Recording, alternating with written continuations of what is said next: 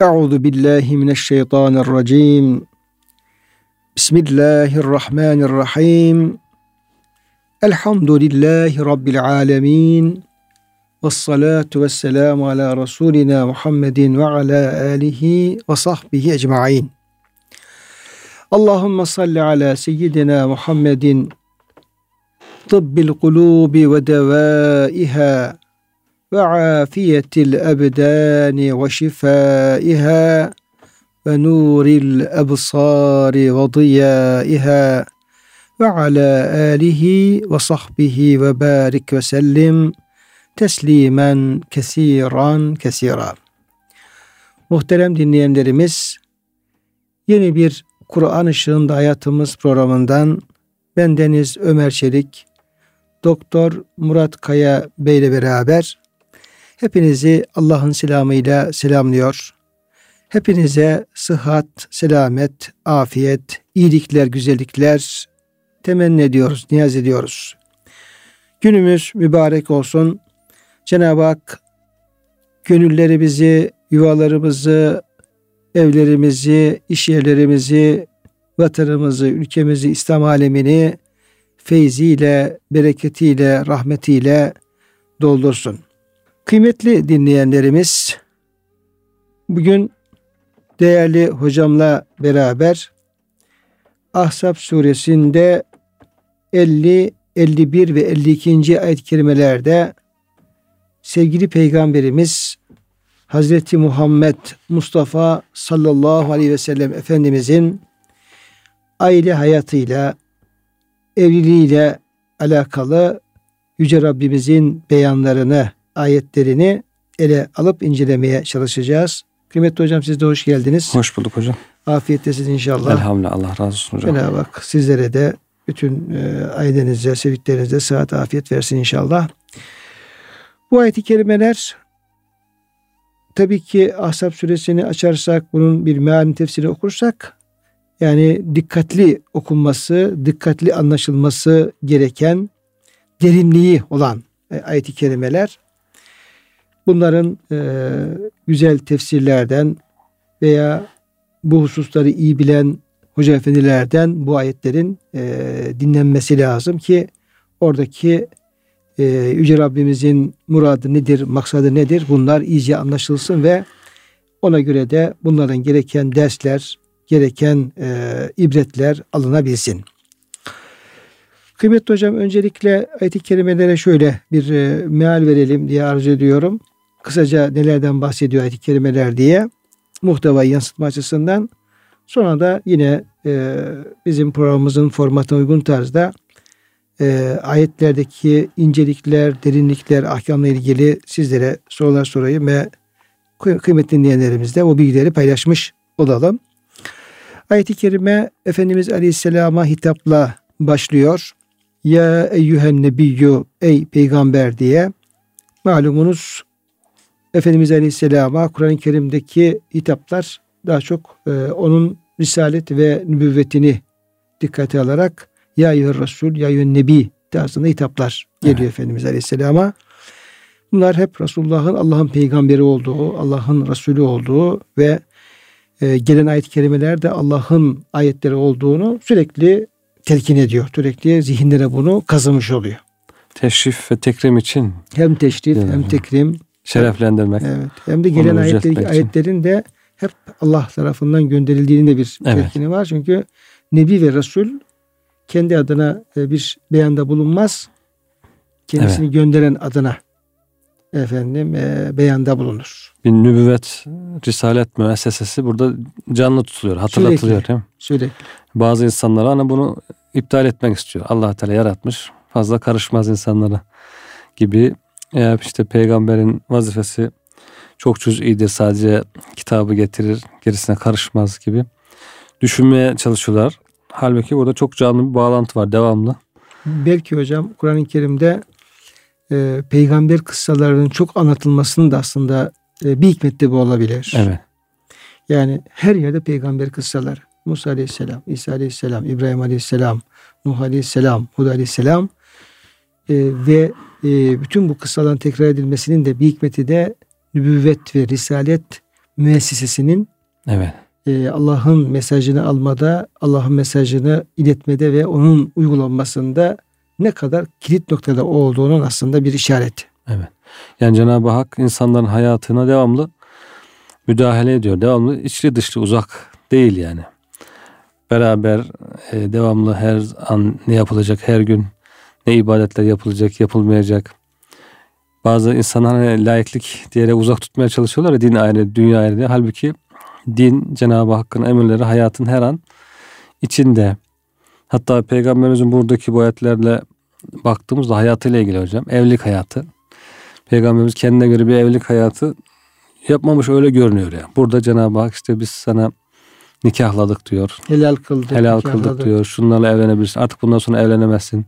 Değiştirebilirsin. Bundan sonra değiştiremezsin. Adım adım hep kontrol içerisinde aile hayatı hep vahyin kontrolünde olmuş. Cenab-ı Hakk'ın emirleri doğrultusunda olmuş peygambere. Belki de hocam işte Kur'an-ı Kerim'de Resul Efendimizin e, evliliklerinin, aile hayatının böyle teferruatlı diyebileceğimiz şekilde e, ele alınmasının bir hikmeti de bu olur. Evet. Yani Resulullah Efendimiz o evlilikleri oradaki her şey Cenab-ı Hakk'ın e, emriyle alakalı. Hani şeyde de e, bu e, Zeynep validemizin e, evliliğiyle bahseden Evet. kelimede zevvecnâkiha buyuruluyor zaten. Evet bizzat nikah kıyıyor Evet, Cenab-ı Hak. Biz onun efendim nikahını biz kıydık buyuruyoruz. Evet. Dolayısıyla e, hakikaten burada ilahi bir e, takip, murakabe, yönlendirme ve o şekilde e, bir durumlu olduğunda görmüş oluyor. Görmüş oluyoruz, kelimelerde. Yani Resulullah'ın sallallahu aleyhi ve sellemin nasıl Cenab-ı Hakk'ın murakabesinde, onun kontrolünde ve bütün ahvalinin ve efalinin yani fiillerinin bütün e, uygulamalarının hep e, bir ilahi kontrol altında olduğu noktasında net bize bilgi vermiş oluyor Evet. bu ayet-i kerimeler. Ve ente bir ayun ne değil mi hocam? Evet. Sen bizim gözümüzün Feinneke bi. Sen bizim gözümüzün önündesin devamlı murakabe halinde. Aslında hocam hepimiz Rabbimizin göz önündeyiz de Evet. e, farkında değiliz. Farkında değiliz. Ama Resulullah Efendimiz Aleyhisselam o hem, hem farkında hem de Cenab-ı Hak zaten sürekli onu Evet. e, ikaz ediyor ve sürekli onu efendim bu noktada canlı tutmuş oluyor. Şimdi ayet-i kerimede Peygamberimiz Aleyhisselam'a e, ey Nebi, ey Peygamber diye hitap ettikten sonra inna ahlelna leke ezvaceke ellati ateyte ucurahunne ve ma meleket yeminuke Ey Peygamber sana e, ücretlerini ki burada ucurdan maksat mehir Mehirlerini. anlamına geliyor. Mehirlerini vermiş olduğun e, hanımların ve e, sahip olduğun cariyeleri sana biz helal kıldık. Onlara evlenmeni, Evet. onları almanı sana e, helal kıldık. Bu e, cariyeler mimma efa Allahu aleyke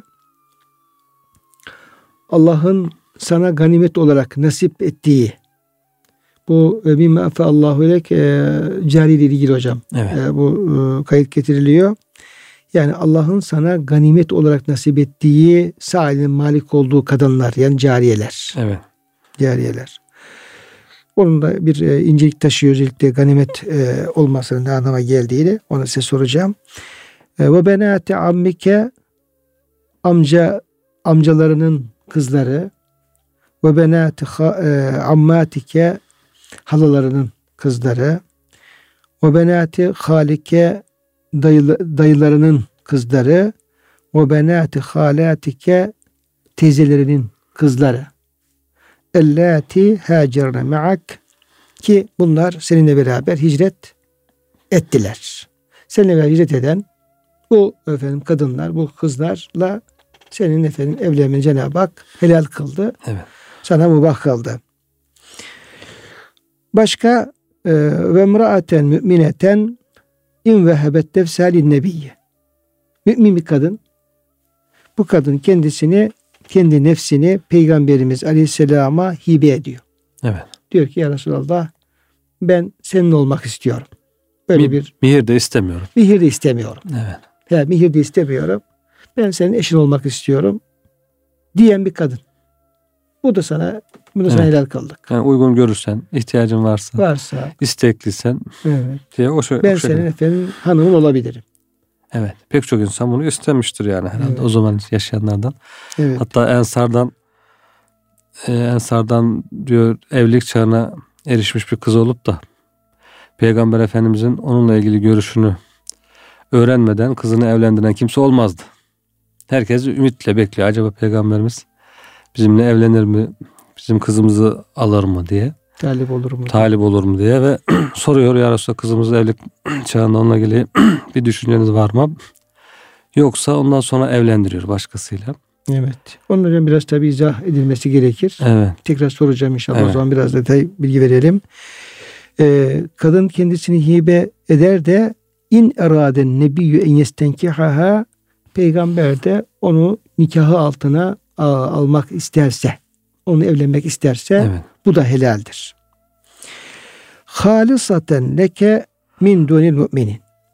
Buradaki bu ayet-i kerimedeki bahsettiğimiz helal kılma Evet. e, çünkü bazen şöyle oluyor. Bazen e, Cenab-ı Hak peygamberine hitaben bir emirde bulunuyor. Her ne kadar e, hitap peygamberimize olsa da oradaki ahkam bütün müminleri ilgilendirebiliyor. Evet. Bağlayabiliyor veya bir diyelim ki yapılacak bir şey varsa yapma, e, sakınacak bir şey varsa sakınma noktasında bütün Peygamber Efendimizin üzerinden bütün müminler için Evet. o geçerli oluyor.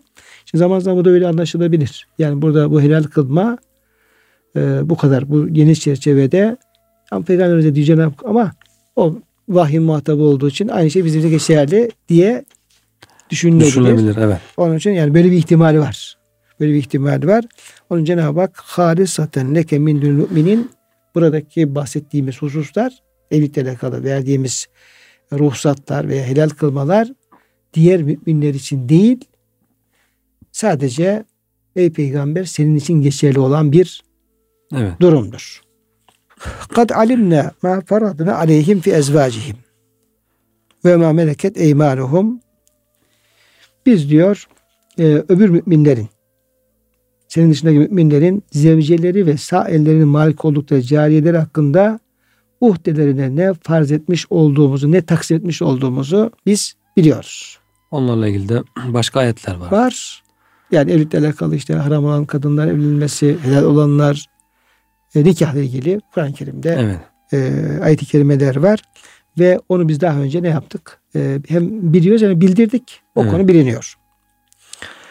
Niye peki böyle efendim şey yaptık? Likeyle yekune aleyke haraç E, sana efendim senin için herhangi bir güçlük darlık olmaması için özellikle bu konuda senin- Genişlik. senin evliliğine ilgili olarak bir genişlik ve hak tanımış olduk. Ve kânallahu gafura rahime. Cenab-ı Hak çok bağışlayıcı, çok da merhamet edicidir. Diğer hocam ayet-i kerimelerde kısa kısa e, hemen şey yapalım. Turci men teşâ'u minhunne ve tu'vi ileke men teşâ. O sahip olmuş olduğun eşlerin içerisinde e, özellikle e, gece beraber kalma e, hakları açısından dilediğini erteleyebilirsin. Dilediğini de efendim dilediğin hanımını yanına alabilirsin. Evet. Ve men ibtegayte mimmen azelte fela cunah aleyke nöbetinden geri bıraktıklarından kimi istersen onun yanına almakta sana güçlük yoktur. Diyelim ki e, işte bu akşam diyelim ki e, şu hanımın hakkıydı. Yarın akşam hanım, diğer hanımın yani orada bir yer değiştirme e, noktasında da Efendimiz Aleyhisselam'a Cenab-ı Hak e, bir müsamaha bir e, ruhsat tanımış oluyor. Zalike edna en tekarra a'yunuhunne ve la yahsenne ve yardayne bima ateytehunne kulluhunne gözleri aydın olup tasalanmaları, tasalanmalarına ve kendilerine verdiğinle hepsinin hoşnut olmalarına en verişli olan budur. Yani her halükarda sen hangi tasarrufta bulunursan bulun o e, hanımlar Efendimiz Aleyhisselam o kadar seviyorlar. O kadar ona değer veriyorlar. Onun arzularına, onun tercihlerine ki Efendimiz hangi tasarrufta bulunursa bulunsun onların hiçbirisi orada bir e, üzüntü niye böyle olduğu tarzında şey yapıyor. Evet. Yani demek ki onlar için en büyük şeref evet. ezvacı ahiret için en büyük şeref Efendimiz Aleyhisselam'ın zevcesi olmak, onun ehli beytinden olmak, onunla beraber olmak o kadar büyük bir bahtiyarlık ki.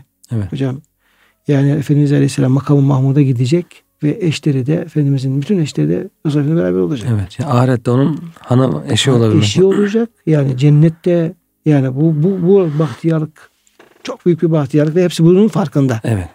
Farkında. Bir de Allah'ın ayeti var, emri var, bu konuda müsaadesi var diye bildikleri için artık hiç e, gönüllerine bir şey gelmiyor. Acaba ben niye ertelendim, niye geri bırakıldım? Tabii tabii. Çünkü Yani Allah'ın müsaadesi var. müsaadesi var. Yani Evet. orada e, Resulullah Efendimizin tasarruflarının hep Allah'ın rızasına uygun ve Cenab-ı Hakk'ın müsaadesiyle olduğunu bildikleri için Evet.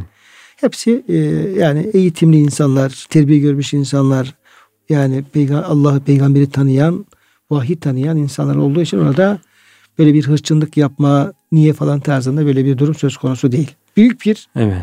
Orada bir e, büyük bir manevi terakki ve terbiye Evet. kendisi göstermiş oluyor o Efendimizin e, hanımları bizim annelerimiz. Yani Cenab-ı Hak burada belki Efendimiz'e müsaade ediyor.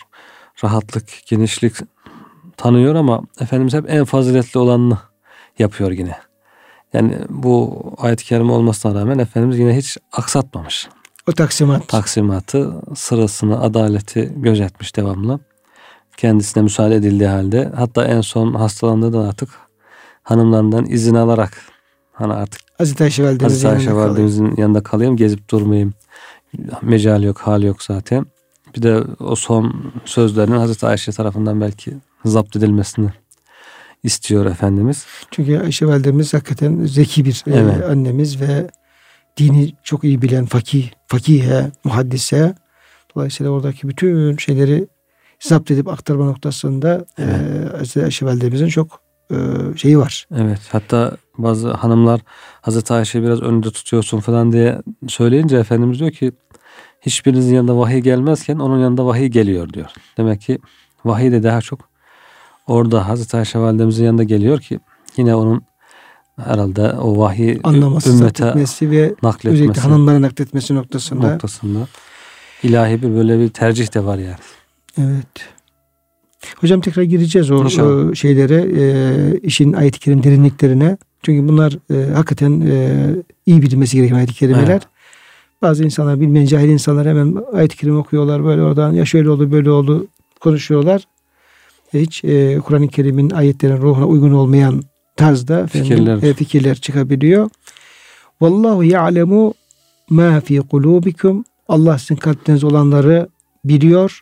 Ve kânallahu alimen halime. Allah her şeyi bilen ve son derece halim yani sabır olan bir Allah'tır. La yahillu leken nisa'u min ba'du. Artık bundan böyle senin için başka hanımlar evlenmek helal değildir. Yani bu ayet herhalde bir müddet sonra gelmiş ki artık önce serbest bırakıyor bir müddet sonra da artık bundan sonra Bir sınır getiriyor. evet sınır getiriyor. getiriyor. Ve la en tebeddele bihine min ezvacin ve artık e, nikahın altında bulunan zevcelerinden herhangi birisini boşayıp onun yerine başka bir zevce almak da artık helal değildir. Evet. Velev e'acebike husnuhunne velev ki o e, başka kadınların güzelliği seni efendim e, hoşuna gitse de.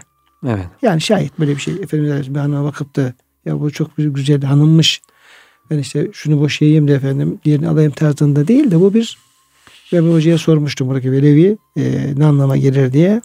Bu böyle bir şey olmuş anlamına gelmez dedi Kur'an-ı Kerim. Arapça kullanımda bu tür e, şeylerde yani şart yerlerinde olmuş değil. Şayet olsa öyle bir Evet. şey yok ama şayet böyle, böyle bir şey olsa. Farz-ı mihal kabilinden bu ifade Evet. kullanılır demişti. O çok hoşuma gitmişti hocam o şey. Evet. Diğer türlü işte böyle bir acil bir husnun ne sanki Resulullah Efendimiz çarşı pazarda dolaşırken hanımla görüyor. Aa bu çok güzel bir hanımmış. İşte Bunu şu, alayım. şu efendim dul yaşlı kadını bırakayım onu alayım gibi. Öyle tarzında bir duyguyu Resulullah Efendimiz'e e, yakıştırmak onun e, şeyine uygun değil. Şimdi Resulullah Efendimiz böyle değil çünkü. Evet. Ama şayet böyle bir şey olsa, şayet böyle bir ihtimal olsa bile artık e, bu şekilde bu hanımlarla e, sınırlandırılmış durumda ve e, tekrar efendim yeni bir evlilik ve bir e, tekrar birisini boşayıp yerine başkasını alma o hakkını Evet. kaldırılmış oluyor ayet-i Bu kerime. inceliği şimdi de herhalde söyle hocam. Dil inceliği. Hazreti Yusuf Aleyhisselam levle erra burhane Rabbi Rabbi Rabbinin burhanını görmeseydi meyletmişti gibi. Burada meyletmişti yani meyletmemişti aslında böyle bir şey yoktu. Yani meylet e, meyledebilir e, manasında o inceliği orada buradaki aynı incelerde orada söylüyorlardı hocam o İbn Cinni'nin hasayisine falan. Evet şöyle geçiyor. hocam orası e, mesela velakat hemmet bihi Evet. Velakat hemmet bih. Evet. Şimdi ayet-i kerime öncesine bakarsak Yusuf suresindeki velakat hemmet bih de zaten hiç şey yok. Bir tartışma yok. Evet. Yani kadının yani Züleyha'nın Yusuf'u kafaya koyduğu noktasında şüphe yok. Kesin. Evet. Velakat. Evet. Ve hemme biha levle erra burhane rabbi. Rabbinin burhanın delini görmeseydi Yusuf da ona e, meylederdi. Kaf- evet meylederdi kafasına koyardı. Evet. Evet. Gibi hocam o şekilde efendim. Ama yapmadı. Cenab- mail, olmadı. Hayır. Hı. Cenab-ı Hak efendim onu o bürhanını gördü. E, kesinlikle hiç meyil kaleme azallah diye mesela. Evet. Yani gönlüne ya bu iş olsun diye efendim bir şey koymadan kaleme azallah. Ben Allah sınırım dedi. İnnehu min ibadel muhlasin. O bizim zaten ihlas edilmiş kullarımızdan bir tanesi. Ve zalimin olmak Allah'a sanırım diye e, ayet-i kerimelerde. Dolayısıyla o dil inceliklerini bilmek lazım. Evet. Onları bilmediğimiz zaman da kişiler ne yapıyor? Bir e, peygambere veya peygamber hazretine yani normal sıradan bir insandaki bir duygu gibi. Evet. Yani onlar da bir beşerdir.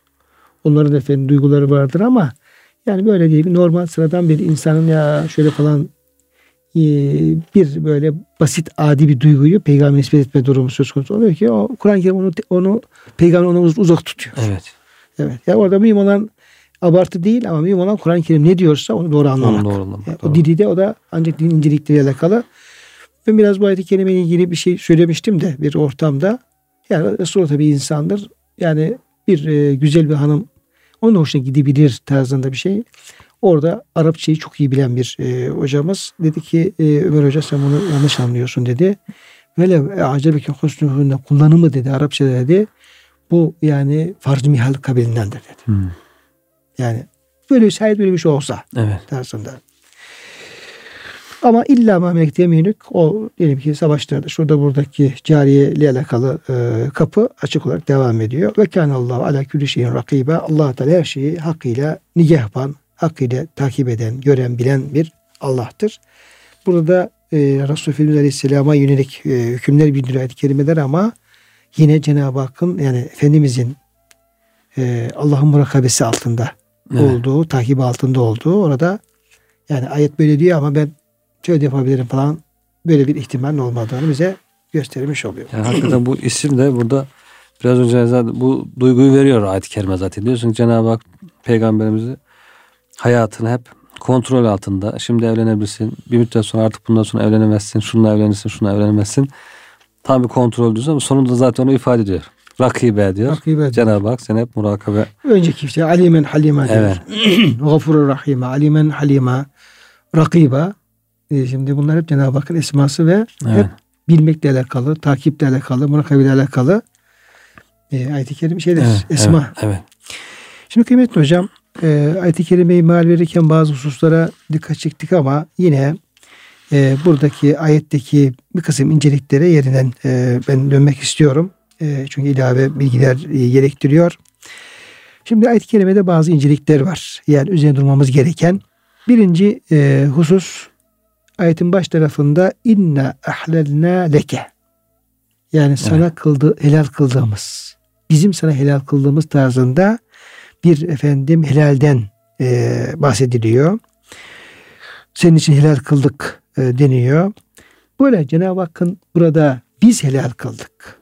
Evet. Cenab-ı helal kıldık gibi bir ifade kullanması nasıl bir incelik e, taşır? Evet burada helal kılmanın, mubah kılmanın, haram kılmanın Allah'a ait olduğu tekrar hatırlatılmış oluyor.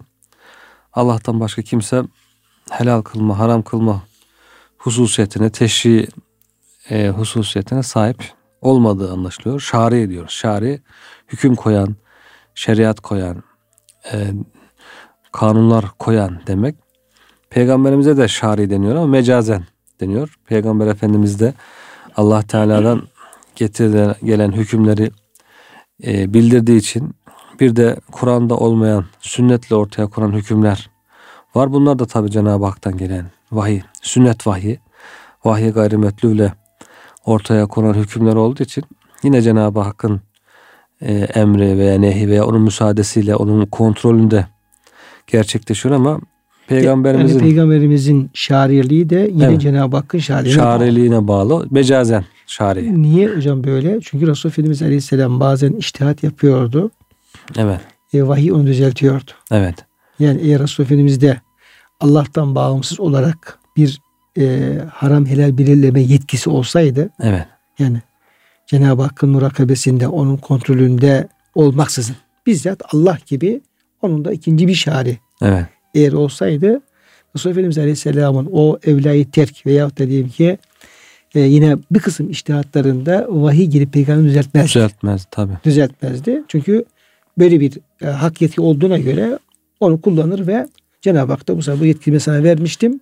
Dolayısıyla istediğin gibi hükmedebilirsin, Kullan, karar evet. verebilirsin derdi. Ama şimdi ayet-i kerimelere baktığımız zaman zaman zaman da sohbetlerimizde ona temas ediyoruz. Baktığımız zaman bizzat Kur'an-ı Kerim'de 50'ye yakın ayet-i kerimede Resulullah Aleyhisselam'ın bu yani diyelim ki bir olayla alakalıdır. Verilen bir kararla ilgilidir ama ey Nebi onu şöyle yapman daha uygundur. Şöyle yapman gerekirdi gibi. E, bu neyi gösteriyor bize? Bu Resulullah Aleyhisselam'ın verdiği kararlarda, hükümlerde ve konuştuğu sözlerde bütün bunlarda yine ilahi bir murakabe altında olduğunu evet. Allah'ın muradına uygun olan şeylerde e, vahyin e, sükut ettiğini ama o ilahi iradeye uygun düşmeyen noktalarda o da efendim hemen müdahale söz konusu olduğunu görüyoruz. Evet. Dolayısıyla Resulullah Efendimizin buyurduğunuz gibi hocam o yani kanun koyması yani haram helal belirlemesi de yine Allah'ın e, iradesi ve kontrolü altında olduğunu açıklıkla görmüş Açık, oluyoruz. Evet yani peygamberin iki türlü bir sünnet vahiyle koyduğu hükümler bir de içtihatıyla. Belki içtihatla verdiği hükümler daha azınlıkta. Onlar da işte buyurduğunuz gibi murakabe altında. Eğer vahiy uygunsa zaten vahiy sükut ediyor. Uygun değilse düzeltiliyor. Hocam zaten o sünneti şey yaparken e, alimlerimiz bazen şöyle isimlendirmeler yapıyorlar. Yani farklı isimlendirmeler olabilir. İşte e, tevfiki, e, tevkifi e, yani Resulullah Aleyhisselam'ın tevfiki sünneti yani da sözleri biri de efendim e, tevkifi. Hmm. E, tevkifi olanlar Resulullah Efendimiz söylüyor. O zaten efendim vahye bizzat e, uygun olduğu için herhangi bir orada müdahale yok. Olduğu evet. gibi devam ediyor o. Evet. Cenab-ı Hak ya bunu şöyle niye böyle yaptın falan değil. Ama tevfik olduğu zaman tevfik yani uygun hale getirme anlamına gelir. Evet. Diyelim orada diyelim ki hafif yani böyle çok aşırı derece bir muhalefet falan değil. Yani bir karar veriyorsun. Diyelim ki orada onun o şekilde değil de böyle verilmesi gerekiyor. Vahiy geliyor onu oradaki Resul Efendimizin o e, uygulamasını, o sözünü, o iştihadını ilahi murada uygun hale getiriyor. Getiriyor. Güzel. Evet. Resul Efendimizin hayatını bu açıdan incelediğimiz zaman onun çok örneklerini görüyoruz ve o hayatın Allah Resulü'nün hayatının tepeden tırnağa hep ilahi vahyin Allah'ın muradına uygun düzenlendiğini ortaya çıkarmış oluyor. Tabii. Buna hareketle yani bize ulaşması sahih olmak şartıyla Resulullah'ın bütün uygulamalar. Tabii. Yani yemeleri, içmeleri, evliliği, bütün sözde uygulamalarının hepsinin vahyin kontrolü olduğunu söyleyebiliyoruz. Tabii. Örnek gösteriyor çünkü hayat. Evet örnek gösterildiği için. Bunun da sebebi hocam niye efendim Cenab-ı Hak bunu bu şekilde e, serbest bırakmıyor ve hep kontrol altında? E, çünkü çağlara örnek gösteriyor. Evet. Bu öyle bir hayat ki yani Kur'an-ı Kerim Kur'an-ı Kerim'in tefsiri mahiyetinde uygulaması mahiyetindeki efendim Resulullah Efendimizin 23 yıllık hayatı sünneti, uygulamaları, takrirleri bu hayat model bir hayat olduğundan dolayı evet. ve bu hayat kıyamete kadar bütün insanlığın kurtuluşunun yani hem dünyadaki huzurunun hem de ki ahiretteki kurtuluşunun e, yegane e, şartı, sebebi bir hayat olduğundan dolayı Cenab-ı Hak bu şekilde evet e, uygun görüyor, yapıyor. Sağlam bir hayat, örnek bir hayat Hı-hı. olacak ki herkes ondan güzelce örnek alabilsin, yolunu belirleyebilsin yani. Diğer peygamberler işte özellikle İbrahim Aleyhisselam hayatı örnek bir hayat olarak gösteriliyor. Bütün peygamberler insanlara örnek olmak için Hocam gösteriliyor da mesela İbrahim evet. Aleyhisselam örnek gösteriliyor. Evet. Gösteriliyor fakat İbrahim Aleyhisselam'ın hayatını ancak Kur'an-ı Kerim'in anlattığı şekilde bilebiliyoruz. Evet çok az bilgi var. Tabii. Kur'an-ı Kerim tamam bize öyle ama Evet. o gider. Bir de yine o ilgili ayetlerde Efendimizin bir e, açıklaması varsa, Resul Efendimizin açıklaması varsa o çerçevede ama İbrahim Aleyhisselam'ın hayatını Resulullah Efendimiz'in hayatı gibi bütün o çerçeveyi bilmiyoruz. Tabii ki. Yani işte imtihanlarını biliyoruz, ihlasını biliyoruz falan ya. Evet. Diğer peygamberler Nuh Aleyhisselam da böyle ama ne kadarını bilebiliyoruz. Tabii. Yani şey kitab-ı mukaddese güvenemiyoruz. Tahrif olduğu için. Çünkü orada bayağı detay var ama ona güvenemiyoruz. Hı, tarihi zaten güvenilecek bir hali yok tarihin. Ancak Kur'an-ı Kerim'de peygamberimizin hadislerine ne kadar bildirildiyse o kadar ama peygamberimizin hayatının farklı bir yönü var. O sağlam bir hadis usulüyle, hadis ilmiyle, sünnet ilmiyle tespit edilmiş, sağlam bir şekilde bize nakledilmiş. İşte sahihi, zayıfı ayıklanmış. Alimler bu konuda üzerine çokça çalışmışlar asırlarca. Onun için onun hayatı ayrı bir önem arz ediyor. Ayrı bir makam konumu var yani. Tespit edilmiş, biliniyor. Onun için hocam bu noktada e, bu noktada bizim kaynaklarımız çok önemlidir. Evet. Yani tabii şey günümüzde insanlar ileri geri konuşabilir bazı böyle kendini bilmezler, aklı ermezler. Biraz daha müsteşriklerin etkisi altında kalanlar böyle ileri geri konuşabilir. Onların hiçbir değeri, hiçbir anlamı yok. Yok evet. Bizim kaynaklarımız çok önemli hocam bu konuda. Yani dinimizin temel kaynakları. Kur'an-ı Kerim. Peygamber Efendimizin hadisleri ve e, hadislerin tercih edildiği kaynaklarımız. Yani kitabı, e, sünnet kitapları, hadis kitapları, e, e, Buharisi, Müslim'i, diğer efendim kitaplarımız, akaid kitaplarımız. Ta başından başlayarak Ebu Hanife Hazretleri'nin fıkıh hükmünden başlayarak oradaki efendim bütün akaid kitaplarımız. Onların diyelim ki e, şerhleri şunları bunları. Sonra fıkıh kitaplarımız. Başlayarak böyle e, yani bu dinimizi bize kadar sağlam bir şekilde ulaştıran ehl sünnet ve cemaatin ana kaynakları bunlar bizim için çok önemli. Niye? Çünkü işte bu e, Resulullah Efendimiz Aleyhisselam'ın yaşadığı hayatı Kur'an-ı Kerim'le beraber yaşadığı Evet. hayatı bunun en güzel şekilde bunun efendim derc edildiği, e, yazıldığı, e, tespit edildiği kaynaklarımız bunlar. Bu kaynakların hiç zarar görmemesi lazım. Evet. Bu kaynakların hiç zarar görmeden de efendim devam ettirilmesi lazım. Çünkü bunlar zarar gördüğü zaman bizim dinimiz zarar görür. Onun için hani dine düşmanlık yapan insanlar açıkça da bunu söylemiyorlar ama böyle kendileri de suret haktan görünerek devamlı bu kaynaklara saldırıyor. İşte ravilere, Ebu Hureyre Hazretlerine, önemli çok hadis rivayet eden sahabilere, işte hadis ilmine, diğer alimlere, fıkıh alimlerine. Bugüne kadar alimler bizi aldatmış, bugüne kadar bize zorluk çıkarmışlar. İşte biz bugünden sonra kolaylaştırıyoruz gibi böyle bir mantıksız cümlelerle hep o buyurduğunuz kitaplara, alimlere saldırıyorlar. Direkt hedef olarak onu alıyorlar.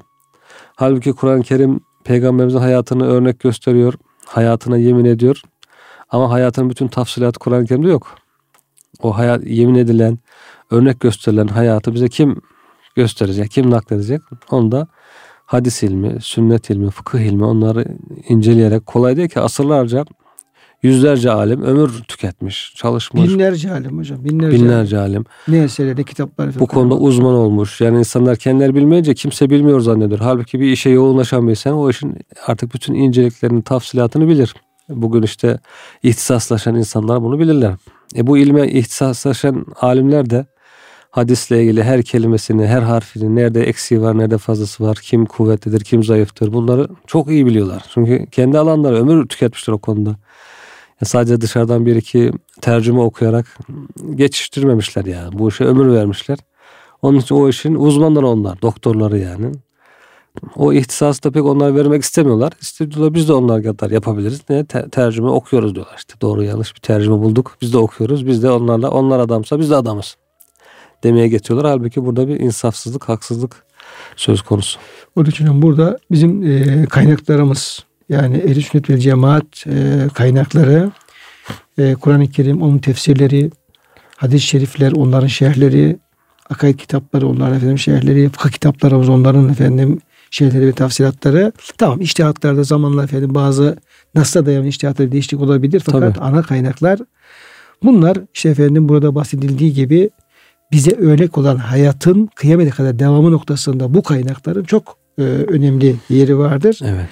Belki mesela bazen hocam o kaynaklar işte içerisinde e, işte zayıf hadis, uydurma hadis e, var diye efendim tenkit edebiliyor. Aslında hocam ona şöyle bir e, izah gerekiyor ona. Olabilir. Yani bazı diyelim ki efendim zayıf hadisler olabilir. İşte Bir kısım hadis kaynaklarında, tefsir kaynaklarında olabilir. Veya uydurma rivayetlerde olabilir. Fakat bizim ulemamız bu noktada öyle bir hassasiyet göstermiştir ki e, Resulullah Efendimiz Aleyhisselam'ın getirdiği din, İslam, Evet. efendim inancıyla, ameliyle, e, her şeyiyle o, o buna paradigma diyorlar hocam. Evet. Ona aykırı şey aykırı olan bir şey kesinlikle kaynakta yer almıyor. Evet. Yani zayıf bile olsa neticeye baktığın zaman o hadis-i şerifin, o rivayetin o temel efendim esaslara aykırı olmadığı Tabii mana olarak. hem mana olarak. Hatta mevzu diye düşündüğümüz şeyler tamam yani ona biz karşıyız ama otur mesela diyelim ki e, Gazali'nin ihyasına diyoruz işte e, mevzu hadisler olabilir. Evet. Fakat hocam bu hadislerin neticede o temel e, bizim dini anlayışımıza aykırı düşmediği, Düşmedi tabii. düşmediği sadece oradaki bazı detay şeylerin iyice anlaşılması için o şeylerin bilgilerin kullanıldığını görüyoruz. Yani orada esas mesele e, Resulullah Efendimiz'in getirmiş olduğu din anlayışının hiç bozulmanın devamı. Tabii. O noktadan baktığı zaman aslında bizim kaynaklarımızın pek tenkit edici tarafı da yok aslında. Evet. Zaten birbirini tenkit ederek gelmiş hocam. Evet. Yani bir alimin bir hatası olabilir, bir eksiği olabilir. Diğer onu tenkit etmiş, düzeltmiş, şerh yazmış, üzerine haşiye yazmış. Birbirini kontrol ederek gelmiş ve tercih edilen görüşler kendiliğinden su üzerine çıkmış. Evet. Diyorlar ki bu konuda şu da var, bu da var ama tercih edilen görüş budur diyorlar. İşte müftabih olan görüş budur. Kendisiyle fetva verilen görüş budur diye zaten e, en doğruları böyle süzüle süzüle ortaya çıkmış zaten. Onlar ortada. Onun için zaten alemlerin hatası olacak. Bunlar insan, peygamber değil. Bunu görüp de ya zaten bunların da hatası vardı. Hepsi yanlıştır. Hepsi bir kenara koy değil. Bu işin ustası, uzmanı zaten bunu biliyor. Hangisi zayıf, hangisi kuvvetli, hangisi tercih şayan. söylüyoruz zaten. Söylüyorlar zaten hangisi tercih şayan. Bunlar zaten ortaya çıkmış belirli zaten. Sonra sizin buyurduğunuz gibi bu paradigmaya en uygun olan en sağlam hangisi? Onlar zaten görülüyor, biliniyor. Dolayısıyla bunların da kendi içerisinde bir şeyi var yani tutarlılığı var, prensibi var, usulü var. O usul dairesinde bunlar bizi e, bir doğru yola götürüyor. Yoksa Hocam örnek verelim. Diyelim ki tefsir taberi.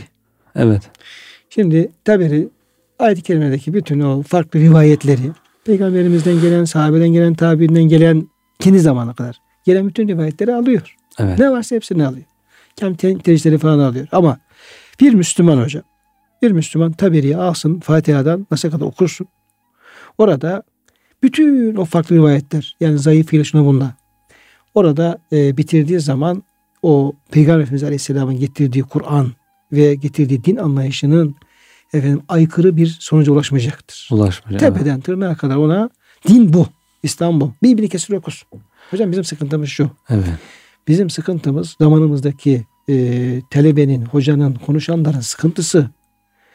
Biz kaynaklarımızı okumuyoruz. Tembellikten. Tabii yani hadis kaynaklarımızı okumuyoruz. Mesela bir Buhari hocam siz Evet. okudunuz.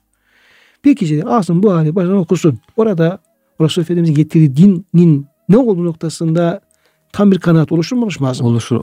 O, onun dışında inancıyla, ahlakıyla ya bir de efendim dinin şöyle bir tarafı falan varmış diye şüphe edeceği bir şey ortaya çıkar mı? Çok da sağlam bir itikadı olur. Gönül alemi genişler. tepeden tırnağa yani bir din nedir? İslam nedir? Efendim peygamber nasıl bir din getirmiş bunu net bir şekilde anlar ve içi aydınlanır. Doğru. Müslüm okusu da böyle hocam. Doğru. Ebu Davud okusu da böyle.